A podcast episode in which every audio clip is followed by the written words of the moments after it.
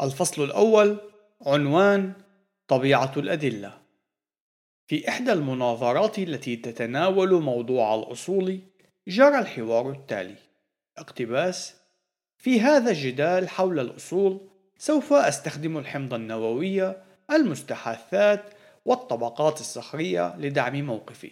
نهاية الاقتباس. هذا ما قاله مؤيد التطور. فيرد المؤمن بالخلق اقتباس هذا أمر غريب هذا بالتحديد ما كنت أريد أن أستخدمه لتدعيم موقفي نهاية الاقتباس ما هو دور الأدلة في هذا الجدال القائم حول الأصول؟ هل تدعم الأدلة مثل الحمض النووي، المستحاثات، والطبقات الصخرية الموقف التطوري؟ هل هي داعمة للموقف الخلقي؟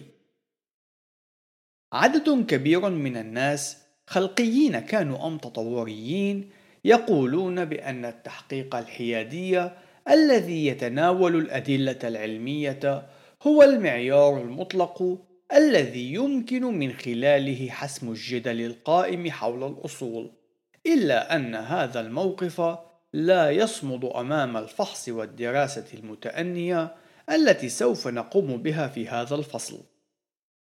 ويوجد البعض الآخر من الأشخاص الذين يتخذون موقفا مغايرا حيث يؤمنون بأن الأدلة لا علاقة لها بالجدل حول الأصول فإنها قضية إيمان أكثر من كونها قضية منطقية إلا أن هذا الموقف أيضا يعتمد على التبسيط المفرط ولا يستطيع الصمود أمام الفحص المنطقي.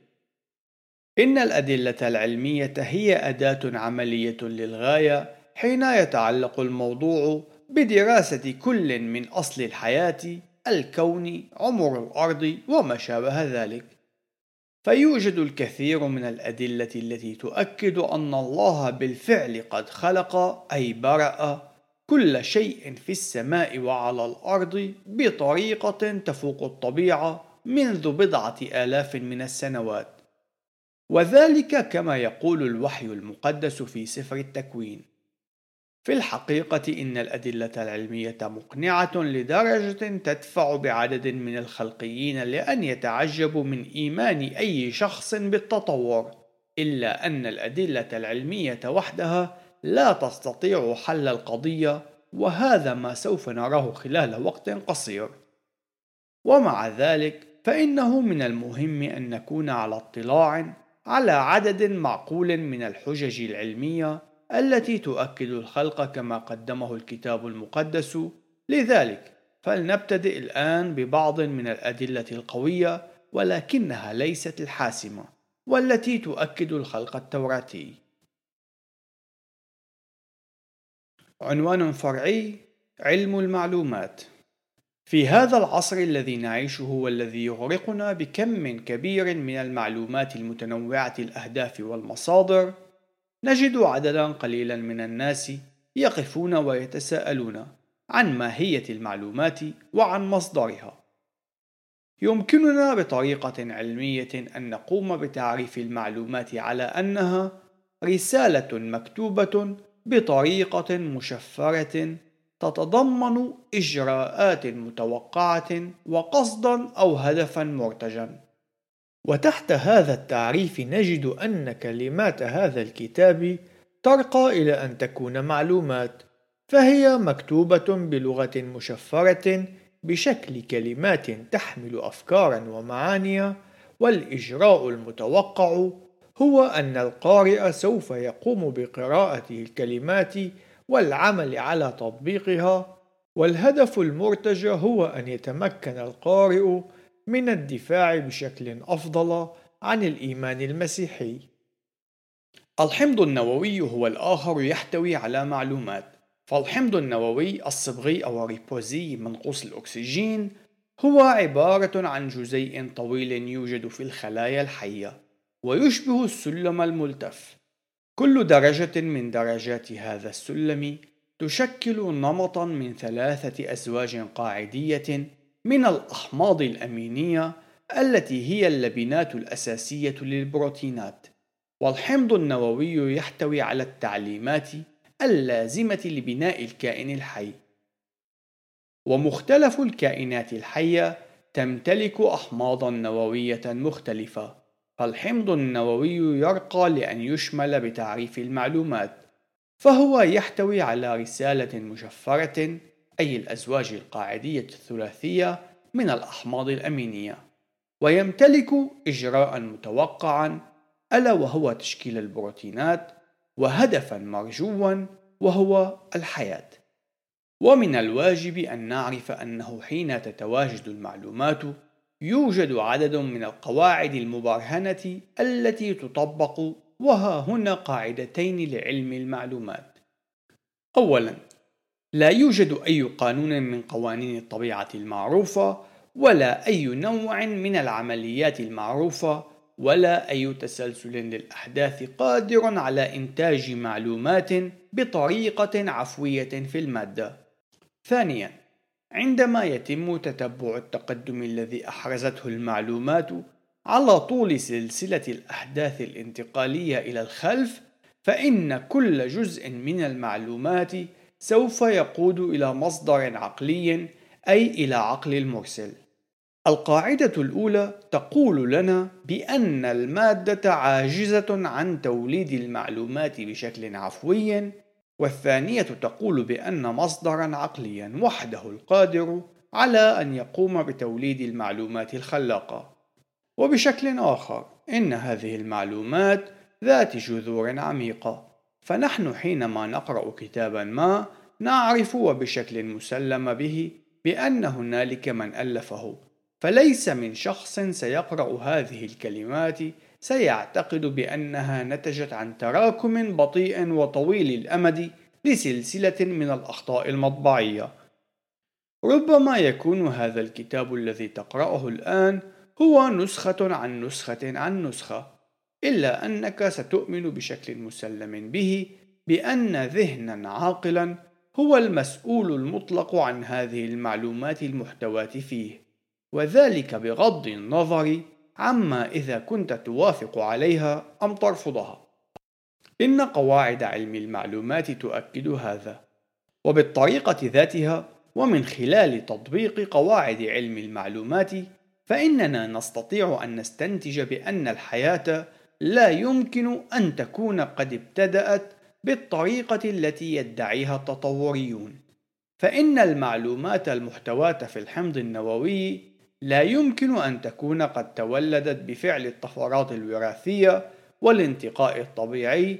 ذلك أن قواعد علم المعلومات تؤكد لنا أن المعلومات لا تصدر إلا عن ذهن عاقل أي عن ذكاء.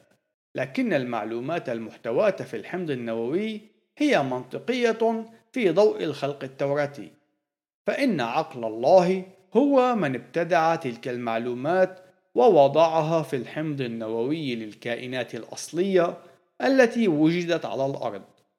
وقد تعرضت تلك المعلومات للنسخ عددا كبيرا من المرات كما أن البعض منها قد فقد أيضا. ومن المؤكد أن مصدر المعلومات المحتواة في حمضنا النووي وبشكل مطلق هو الله وليس عملية الاحتمالات العشوائية. فقواعد علم المعلومات تؤكد ذلك. في بعض الأحيان يعترض التطوريون على هذا الطرح مشيرين إلى أن الطفرات الوراثية وبشكل نادر قد تكون قيمة فتساعد على البقاء على قيد الحياة بما معناه أنها في ظل تلك الظروف الخاصة قد حسنت من مستوى الكائن الحي.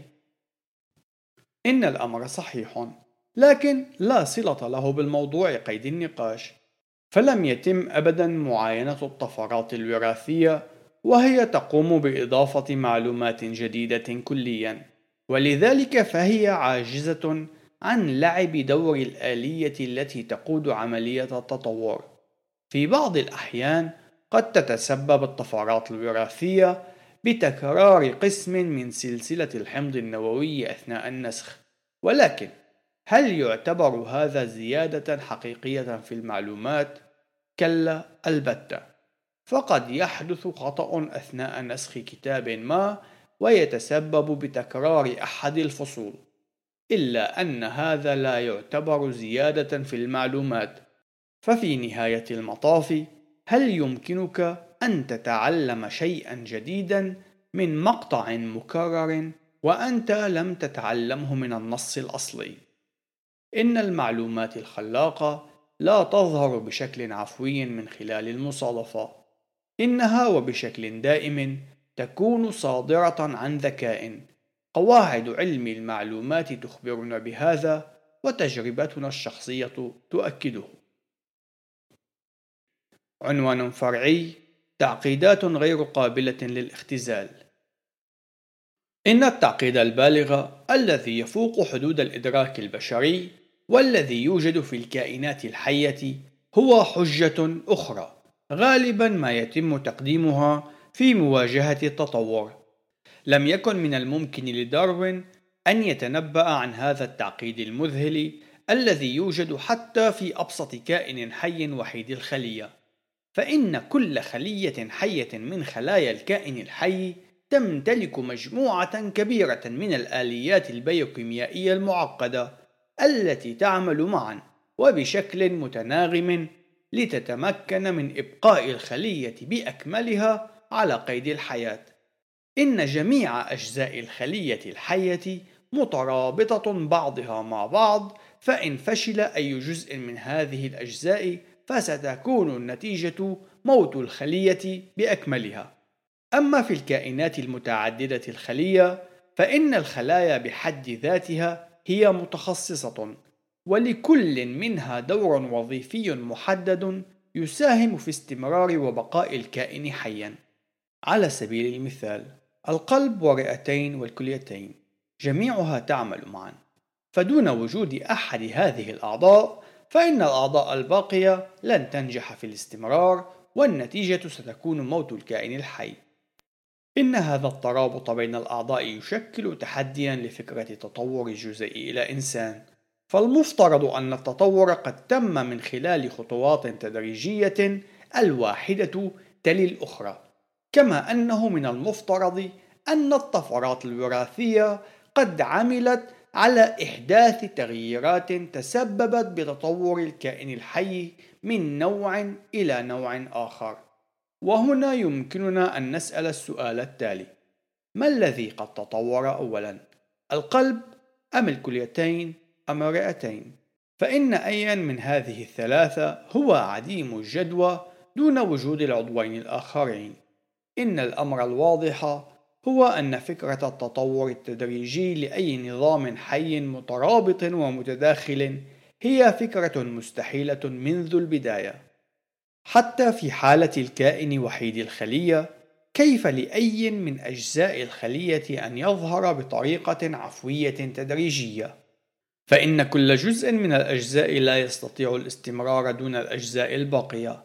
إن هذا النوع من الأنظمة يمكن أن يوسم بأنه بالغ التعقيد، وبسبب كونه غير قابل للاختزال دون أن يتم فقدان وتدمير الأداء الوظيفي يمكننا أن نخلص إلى أن أي نظام مماثل أي أي نظام بالغ التعقيد والترابط وغير قابل للاختزال لا يمكن أن يوجد من خلال عمليات تطورية ذلك أن كل جزء يتطلب وجود بقية الأجزاء في الوقت عينه.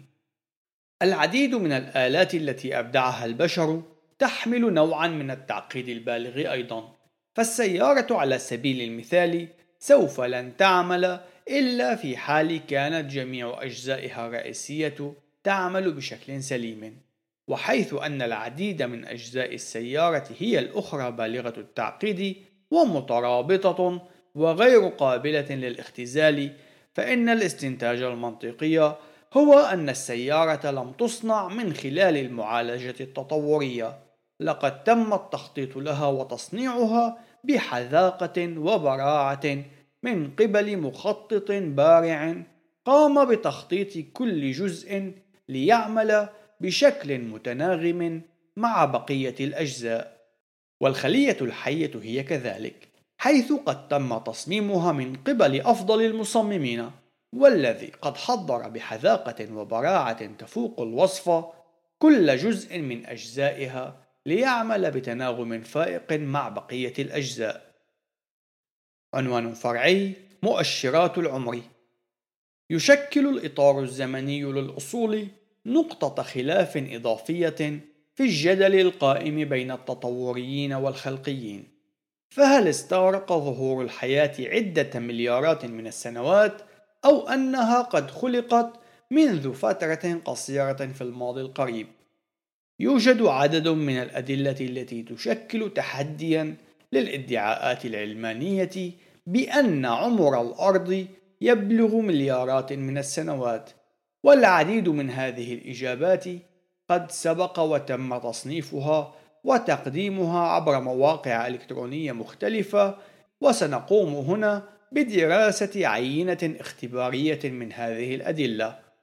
الأمر الغالب هو أن العديد من الأشخاص قد سمعوا عن التاريخ بالكربون 14 إلا أن الغالبية من الأشخاص غير المتخصصين وتحت تأثير الانطباعات الخاطئة التي تقدم لهم يعتقدون بأن التاريخ بالكربون 14 يظهر بأن عمر الأرض يبلغ مليارات من السنوات إلا أن هذا الأمر خاطئ تماما.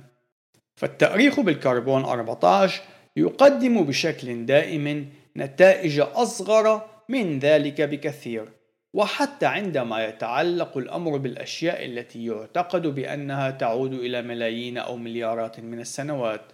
والسبب يرجع إلى أن العمر الأقصى للنظير غير المستقر للكربون 14 هو قصير نسبيا وإليكم الآلية التي يعمل بها. إن معظم الكربون الموجود هو مستقر ويعرف بالكربون 12 إلا أنه يتواجد نسبة صغيرة من الكربون غير المستقر ألا وهو الكربون 14 إن معنى غير مستقر هو أن جزيء الكربون يتفكك بمعدل ثابت ومستمر وعفوي متحولا إلى نيتروجين. هذه العملية تحدث بشكل بطيء وبمعدل ذرة واحدة في كل مرة. والمعدل الذي تمت ملاحظته للتفكك هو أنه خلال خمسة آلاف وسبعمائة وستة وثلاثين سنة سيتفكك نصف كمية ذرات الكربون 14 إلى نيتروجين. ثم بعد خمسة آلاف وسبعمائة وستة وثلاثين سنة أخرى سيتفكك نصف الكمية المتبقية منه متحولة إلى النيتروجين ليبقى ربع الكمية وهلم جرى. وبالتالي فإنه ومن خلال وضع مجموعة من الافتراضات يكون من الممكن قياس الكمية الأصلية من الكربون 14 في العينة المدروسة. ومن خلال ذلك يكون العلماء قادرين على تقدير عمر العينة. بما أن معدل تفكك الكربون 14 هو سريع نسبيا على الأقل مقارنة بالعمر المفترض للأرض المقدم من قبل العلمانيين فإن النسبة المتبقية منه بعد ما يقرب من مئة ألف عام ستكون تقريبا غير قابلة للملاحظة. حقيقة الأمر أنه إن افترضنا أن كتلة الأرض بأكملها كانت من الكربون 14 فإنه خلال مليون سنة لن يتبقى حتى ولو ذرة واحدة منه. قد يبدو الأمر مفاجئا للمؤمنين بقدم عمر الأرض حين يعرفون أنه قد تم العثور على الكربون 14 في مواد من المفترض أنها تعود إلى أزمنة غابرة مثل الفحم والماس. فالاعتقاد السائد بحسب المنظور التطوري بأن الفحم قد تشكل قبل عدة ملايين من السنوات. أما الماس الذي تم العثور على بقايا من الكربون 14 فيه فالمفترض أنه يرجع إلى مليارات من السنوات بحسب المنظور العلماني. إن وجود أي كميات قابلة للملاحظة من الكربون 14 يشير إلى أن العمر الحقيقي لهذه الأشياء يبلغ عدة آلاف من السنوات وليس ملايين أو مليارات. إن التأريخ بالكربون 14 يتحدى مليارات السنوات المفترضة. حقيقة الأمر أن الكربون 14 يتواجد تقريبا في كل الأشياء التي تحتوي على الكربون حتى في الطبقات الصخرية العميقة التي يؤمن أنصار التطور بأنها تعود إلى مئات الملايين من السنوات. فإن كانت تلك الطبقات الصخرية قديمة فعلا فإنها يجب ألا تحتوي حتى على ذرة واحدة من الكربون 14 إن هذه النتائج تتوافق بشكل كامل مع الخلق التوراتي. فوفقا لما يسجله سفر التكوين إن عمر الأرض ليس أكثر من بضعة آلاف من السنوات وبالتالي فإنه ليس من المستغرب اكتشاف وجود الكربون 14 في كل شيء تقريبا.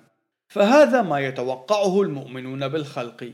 لكن هذا الكربون عينه يشكل تحديا كبيرا لنظام التطور وإطاره الزمني الممتد لمليارات من السنوات.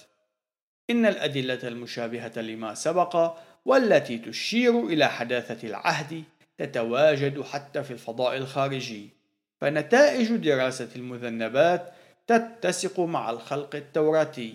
إلا أنها تتسبب بمشكلة كبيرة لرؤية العلمانية الموازية فالمذنبات تتكون من الجليد والأتربة وتسير وفق مسارات إهليليشية تقودها بين الفينة والأخرى إلى مسافة قريبة من الشمس وحين يعبر المذنب على مسافة قريبة من الشمس سيتسبب الشعاع الشمسي برفع درجة حرارة المذنب وهذا الأمر سيؤدي إلى تبخر المادة المتجمدة وتناثرها في الفضاء. ثم إن هذه المواد المفقودة تتعرض هي الأخرى للشعاع الشمسي والرياح الشمسية الأمر الذي ينتج ذيل المذنب. بما أن المذنبات تفقد المادة بشكل تدريجي فإنه من غير الممكن أن تكون موجودة منذ الأزل. حيث قد تم تقدير الحد الأقصى لعمر المذنب القياسي بمئة ألف عام. بما أن المذنبات تفقد المادة بشكل تدريجي فإنه من غير الممكن أن تكون موجودة منذ الأزل حيث قد تم تقدير الحد الأقصى لعمر المذنب القياسي بمئة ألف عام. وهي الفترة التي سيفقد المذنب خلالها كامل كتلته المادية. إن هذه التقديرات لا تشكل أي تحد للإطار الزمني التوراتي لكنها تقف بمواجهة الأفكار العلمانية فإن كان النظام الشمسي يعود إلى عدة مليارات من السنوات كما يعتقد أنصار التطور لماذا إذا لا زلنا نعاين المذنبات؟ عنوان فرعي الأدلة وأجهزة الإنقاذ إن الأدلة العلمية تتخذ موقفا مؤيدا للخلق التوراتي وتتحدى في الوقت ذاته فكرة التطور. ويوجد عدد كبير من الأدلة التي يمكن استخدامها كأمثلة بطريقة يبدو فيها وكأن فكرة التطور قد دحضت وقد يبدو الأمر أيضا أننا قد أثبتنا وبشكل قاطع أن الأدلة العلمية قد أثبتت الخلق التوراتي ودحضت فكرة التطور إلا أن هذا ليس صحيحا جهاز الإنقاذ هو تخمين مصمم لحماية وجهة نظر الشخص من أي دليل يبدو معارضا لها.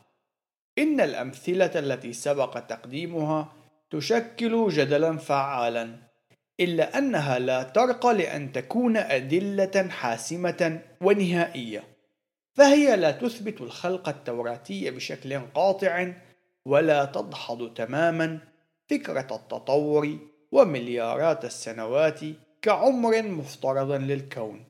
والسبب الذي يقف خلف هذا هو أن المؤيد للتطور يستطيع أن يستند وبشكل دائم إلى ما يمكننا أن ندعوه جهاز إنقاذ حيث أن مؤيدي التطور قادرون على اختراع قصة ما لتفسير وإبعاد الأدلة المناقضة لوجهة نظرهم. وسنفحص الآن آلية عمل أجهزة الإنقاذ من خلال المثال الذي قدمناه بأن المذنبات تشكل دليلا لحداثة عمر النظام الشمسي. في الوقت الذي يعتقد عالم الفلك المؤمن بالتطور بأن المجموعة الشمسية تعود إلى عدة مليارات من السنوات هو يعاين المذنبات الموجودة فيه وهو يقوم بحسابات تفيد بأن هذه المذنبات غير قادرة على الاستمرار لمدة تتجاوز مئة ألف عام. فكيف له أن يقوم بالتوفيق بين هاتين النتيجتين ويخرج من هذا المأزق؟ يجيب عالم الفلك المؤمن بالتطور اقتباس من الواضح أنه يجب أن يوجد مصدر ما لتوليد أو إنتاج مذنبات جديدة عوضا عن تلك القديمة التي تتفكك. نهاية الاقتباس. فقام علماء الفلك العلمانيين بافتراض وجود سحابة أورت وقد سميت بهذا الاسم تيمنا بمخترعها جان أورت. سحابة أورت هذه هي عبارة عن كتلة جليدية افتراضية أي متخيلة هائلة الحجم وكروية الشكل محيطة بمجموعتنا الشمسية. وبحسب هذه الفرضية تتموضع خلف أبعد الكواكب فيما وراء مدى الرؤية لأفضل التلسكوبات المتوفرة لدينا. ويقترح علماء الفلك العلمانيين بأنه بين الفينة والأخرى يترك أحد العناصر مداره من سحابة أورت مندفعا إلى داخل النظام الشمسي ويصبح بذلك مذنبا جديدا. وبما أن هذا النوع من المذنبات يقدم حلا لاستبدال المذنبات القديمة التي تتفكك فيمكن للنظام الشمسي بهذه الطريقة أن يعود إلى مليارات من السنوات. لا بد من الإشارة إلى أنه ليس من أحد قد سبق وعاين سحابة أورت أبدا، فمن حيث المبدأ يعتقد بأنها أبعد بكثير من أن يتم اكتشاف أو رؤية الأشياء الصغيرة والكتل المتواجدة فيها، وفي وقتنا راهن لا يوجد أي معاينة لأي دليل من أي نوع كان لسحابة أورت ولذلك لا يوجد أي سبب مقنع للاعتقاد بوجود هذه السحابة الافتراضية. وهذه السحابة ليست موجودة إلا في أذهان المؤمنين بالتطور وحقيقة الأمر. إن سحابة أورت هذه هي جهاز إنقاذ يحفظ رؤية التطوريين من الدليل الذي يمكن أن يبطلها. بطريقة مشابهة لهذه يعمل التطوريون على تفسير ورفض الدلائل المشابهة لما ذكر أعلاه من خلال استدعاء أجهزة إنقاذ مشابهة. فلربما يوجد آلية غير معروفة قد عملت على تلويث الماس والعينات الأخرى منتجة ذرات من الكربون 14 فيها. وهذا يؤدي إلى أن الادعاء بأن هذه العينات بالغة القدم يستطيع أن يصمد. ولربما يوجد آلية لم يتم اكتشافها بعد قادرة على إنتاج وإضافة معلومات جديدة إلى سلسلة الحمض النووي ولربما لا يوجد أي شيء بالغ التعقيد بشكل مذهل ومبدع. فالأشياء المعقدة هي تعطي الانطباع بذلك فقط نتيجة لعدم قدرتنا على تخيل الخطوات التي تدرجت من خلالها. إن السبب الرئيسي الذي يجعل الأدلة وحدها غير قادرة على إقناع الناس هو أنهم قادرون وبشكل دائم أن يستندوا إلى المجهول، وهذا هو السبب الحقيقي الذي يجعل من الدلائل والجدل الذي سبق تقديمه عاجزين عن إثبات الخلق التوراتي فأي دليل قابل للدحض والتفسير من خلال استخدام جهاز إنقاذ مناسب له؟ فهل استخدام أجهزة الإنقاذ هو أمر غير مقبول؟ وهل نستطيع انتقاد الفلكيين التطوريين كونهم يخترعون ويقدمون تخمينات بهدف إنقاذ وجهة نظرهم؟ التي ترتكز على العمر السحيق عوضا عن قبولهم بالأدلة التي تقدم لهم.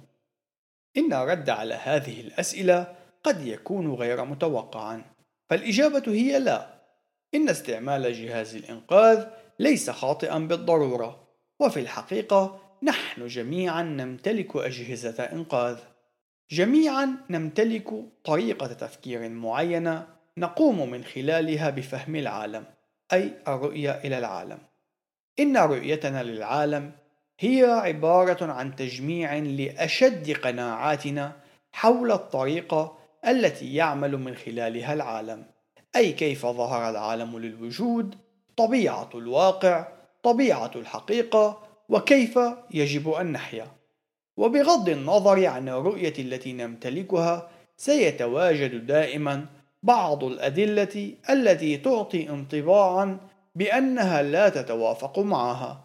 قد يكون الأمر مجرد انطباع وبالتالي فإن أي شخص كان سواء كان من أنصار التطور أو من أنصار الخلق التوراتي سوف يقوم بالاعتماد على جهاز إنقاذ من نوع معين بغرض الحفاظ على عقلانية رؤيته للعالم.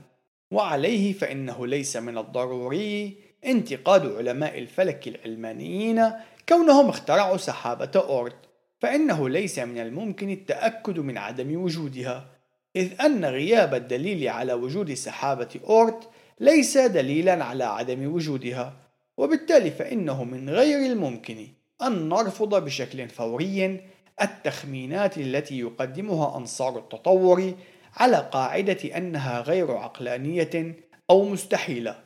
بالرغم من ذلك فإن التخمين لا يجب أن يكون مبالغا به وتعسفي. فإن قمت وببساطة بالتأكيد والإصرار على أن مركز كوكب زحل يتكون من الجبن الأخضر اللون. وذلك إلا في حال قام شخص ما بإثبات عكس ذلك. إن هذا الموقف يعتبر مرفوضا. فوفقا لقواعد التفكير المنطقي ليس مسموح لأي شخص أن يكون تعسفيا أي أن يقوم بافتراضات عشوائية دون وجود مبرر كاف لها. فإن كنا جميعا سنقوم بتقديم افتراضات دون وجود مبرر لها حينئذ نكون قادرين بشكل متساو على تقديم افتراضات متناقضة. أي أنه إن كان لدى الناس الحق بتقديم أي افتراض دون الحاجة لتقديم حجج منطقية لتدعيم موقفهم فإنه سيكون من المستحيل أن يجرى أي حوار عقلاني. وبالتالي فإنه يجب على كل شخص أن يمتلك حججا منطقية لجهاز الإنقاذ الذي يريد استخدامه. ذلك إن أراد أن يكون الأمر عقلانيا.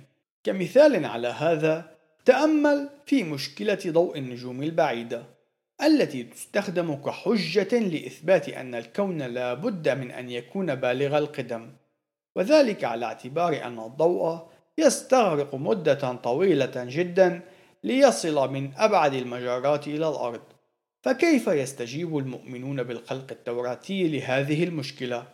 حتى وقت تقديم هذا الكتاب لا يوجد أي إجابة حاسمة لمشكلة ضوء النجوم البعيدة. وبالتالي فإن الخلقيين يلجؤون إلى استخدام جهاز إنقاذ لتقديم تفسير لهذه المشكلة. وقد تم تقديم عدد من النماذج الجيدة والقادرة على تقديم تفسير جيد. ونظرا لعدم إمكانية إثبات أي منها بشكل قطعي فإنها ستبقى بمثابة تخمينات أي أجهزة إنقاذ. هل يعتبر هذا الأمر تعسفيا؟ الإجابة هي لا. فالخلقيون يمتلكون سببا للإيمان بوجود تفسير وإجابة لمشكلة ضوء النجوم البعيدة. وبوصفي خلقي فإني مقتنع تماما بأن الكتاب المقدس هو بالحقيقة كما يدعي عن نفسه كلمة الله. وبذلك فإن الكتاب المقدس هو صادق في كل ما يقدمه عن خلق الكون. إن نظرة المسيحية إلى العالم تتطلب أن يكون الله قد قام بالخلق في ستة أيام وذلك كما سبق وصرح بأنه فعل. وبالتالي فأنا أمتلك سببا جيدا لأعتقد بوجود تفسير عقلاني ومنطقي يقدم حلا لمشكلة ضوء النجوم البعيدة. وربما يكون الحل الصحيح من خلال أحد النماذج الموجودة حاليا أو أنه لم يكتشف بعد. السبب الذي يقف وراء جهاز الإنقاذ الذي قمت باستخدامه هنا هو أنني أمتلك العديد من الأسباب التي تؤكد لي صحة رؤيتي للعالم التي تؤكد بدورها وجود جهاز إنقاذ مماثل. وبالتالي فإن الشخص العقلاني قد يلتمس الحجة في رؤيته إلى العالم على أساس أنها السبب الذي يقف وراء جهاز الإنقاذ. ومن الطبيعي أنه يجب أن يمتلك أسبابا مقنعة لرؤيته للعالم. التطوريون ومعهم جميع المؤمنين بالعمر السحيق للكون يمتلكون المبرر الكافي للإيمان بوجود سحابة أورت وذلك فقط في حالة واحدة إن كانوا قد التمسوا الحجة في رؤيتهم للعالم. لكن التماس الحجة في رؤية الشخصية للعالم تكون أمرا عقلانيا فقط في حال كانت تلك الرؤية هي بحد ذاتها أمرا عقلانيا. وبالتالي فإن الجدل القائم حول الأصول يمكن أن يتم تلخيصه في جدل حول رؤى المتنافسة إلى العالم. وعليه يتوجب علينا أن نقدم بضعة أفكار وتعريفات لطبيعة وماهية الرؤية إلى العالم وكيف نحكم بين المتنافسة بينها. عنوان فرعي الرؤى إلى العالم يوجد نسبة كبيرة من الأشخاص الذين لا يفكرون بشكل جدي برؤيتهم إلى العالم، وحقيقة الأمر أن عددا كبيرا منهم لا يلاحظ أنه يمتلك رؤية إلى العالم.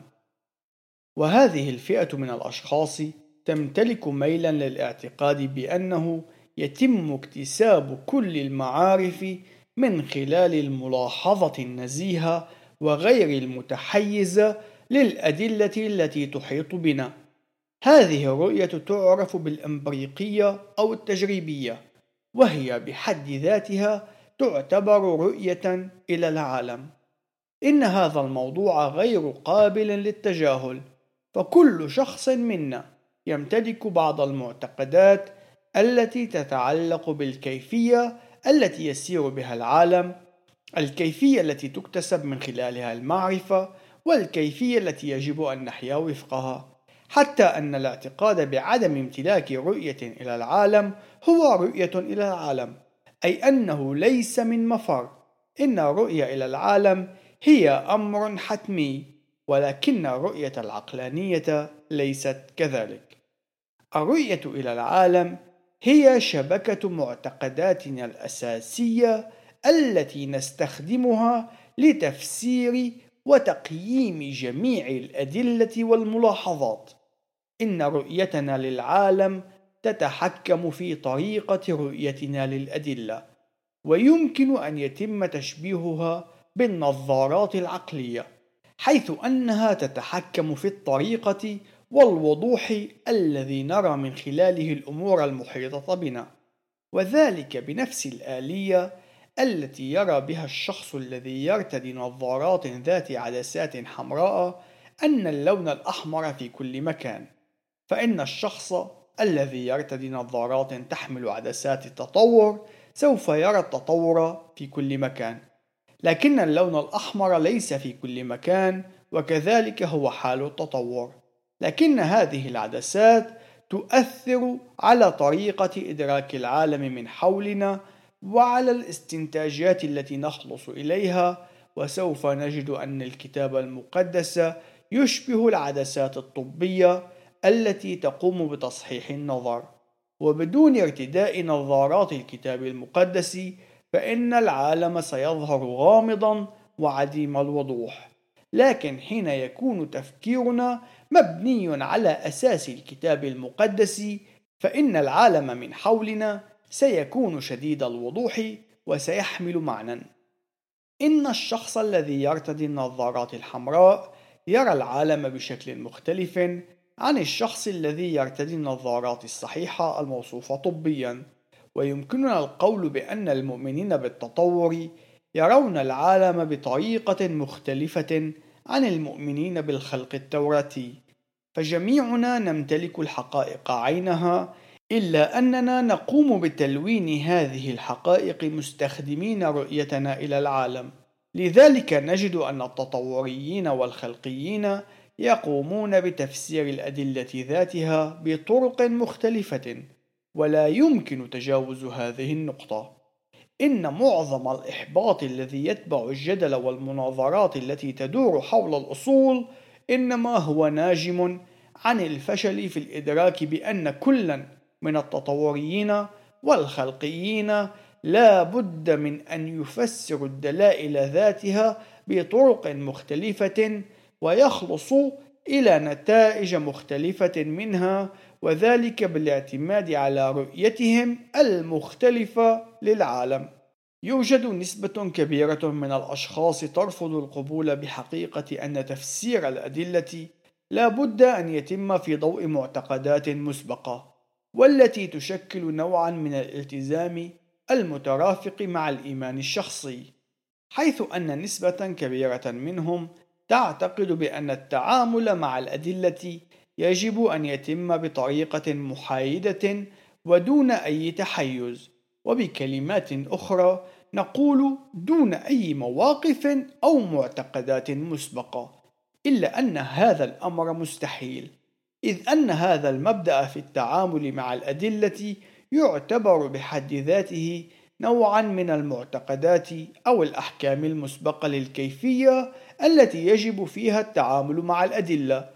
إضافة إلى ذلك فإنه لكي تحمل ملاحظاتنا للأدلة أي معنى لا بد أن نمتلك أولا الإيمان بأننا قادرون على الاعتماد على حواسنا فإنه سيكون من غير المجدي أن نقوم بمعاينة ودراسة أي جزء من الأدلة إن لم نؤمن أولا بأننا نستطيع الاعتماد على حواسنا. إنه من غير الممكن أن يتم تجنب ارتداء النظارات العقلية لكن المهم هو ارتداء النظارات المناسبة أي امتلاك رؤية مناسبة للعالم. فبشكل مشابه للطريقة التي يستنتج بها الشخص الذي يرتدي النظارات ذات العدسات الحمراء أن كل شيء في العالم يميل إلى اللون الأحمر. كذلك هو حال من يتبنى رؤية خاطئة للعالم. فإنه سيقوم باستنتاجات خاطئة فيما يتعلق بالكون إلا أن النظرة السليمة إلى العالم تستطيع أن تقوم بحمايتنا من ارتكاب قفزات خاطئة تقود إلى استنتاجات خاطئة فيما يتعلق بالكون وطريقة عمله. على سبيل المثال حين أراقب أحد السحرة وهو يقوم بتقطيع أحد الأشخاص من المنتصف سأكون متيقنا وبشكل مباشر أن هنالك خدعة ما أي أنه لا يوجد أي شخص قد تعرض للتقطيع وذلك بصرف النظر عن معاينة للخدعة. إن الاستنتاج الذي قمت به ليس مبنيا على الدليل الذي أمامي إنما هو نتيجة لطريقة رؤيتي للعالم التي تقدم لي الحماية من الوصول إلى الاستنتاجات الخاطئة. فلنفترض أن إحدى جاراتك قد أخبرتك بأنها قد شاهدت طبقا طائرا في الليلة الماضية. إن رؤيتك للعالم سوف تتدخل بشكل فوري لمساعدتك على تحليل وتفسير هذا الدليل مع تزايد الأدلة التي تقوم جارتك بتقديمها سوف تقوم أنت بتكوين فرضيات مبنية على رؤيتك إلى العالم. فلربما كانت هذه إحدى تجارب الطيران السرية التي تجريها الحكومة. ولربما كانت جارتك تحتسي الكحول في الليلة الماضية كما أنه من الممكن أنها قد رأت كوكب الزهرة. إن الاستنتاج الذي قد تصل إليه لن يكون مبنيا على الأدلة وحدها. إنما يتأثر بطريقة فهمك للكون. فإن كنت مقتنعا بعدم وجود كائنات فضائية سيكون من الطبيعي أنك لن تخلص إلى استنتاج يفيد بأن جارتك قد رأت بالفعل طبقا طائرا. إن رؤيتك إلى العالم ستقوم بتقييد طريقة معالجتك للأدلة وهذا الأمر صحيح في جميع جوانب الحياة. سواء كان ذلك يتعلق بالأطباق الطائرة، الخداع البصري، الحمض النووي وما شابه.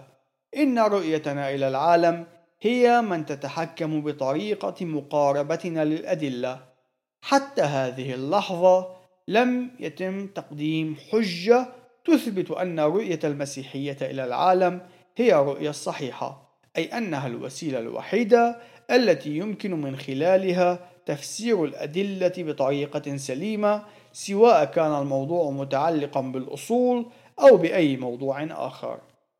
لكن لا بد من أنه قد أصبح من الواضح أن كل شخص يقوم بتفسير الأدلة في ضوء رؤيته إلى العالم وإنه أيضا من الواضح أن كلا من الخلقيين والتطوريين يمتلكون رؤيتهم الخاصة والمختلفة إلى العالم. وهو السبب الذي يفضي إلى أن كلا منهم يقوم بتفسير الأدلة بطريقة مناقضة للآخر. لهذا السبب أيضا لن تكون الأدلة سببا كافيا حتى يقوم أي شخص بإعادة النظر برؤيته إلى العالم إذ أن أي دليل علمي سيكون قابلا للتفسير بطريقة معينة ليتوافق من خلالها مع أي واحدة من الرؤى إلى العالم. فالمؤمن بالخلق التوراتي الذي ينظر إلى المذنبات يستنتج بأن مجموعتنا الشمسية هي حديثة العهد. أما المؤمن بالتطور ينظر إلى المذنبات ويستنتج أن سحابة أورت لا بد وأن تكون موجودة.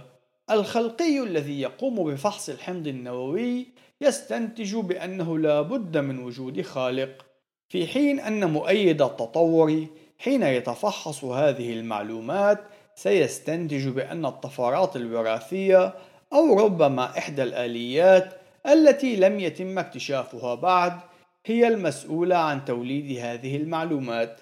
المؤمن بالتطور حين ينظر إلى التشابه بين المعلومات الوراثية لعدد من الكائنات الحية سيستنتج بأنها تمتلك سلفا مشتركا في حين أن المؤمن بالخلق حين سيعاين تلك المعلومات عينها سيستنتج بأن تلك الكائنات قد خلقت من قبل خالق واحد.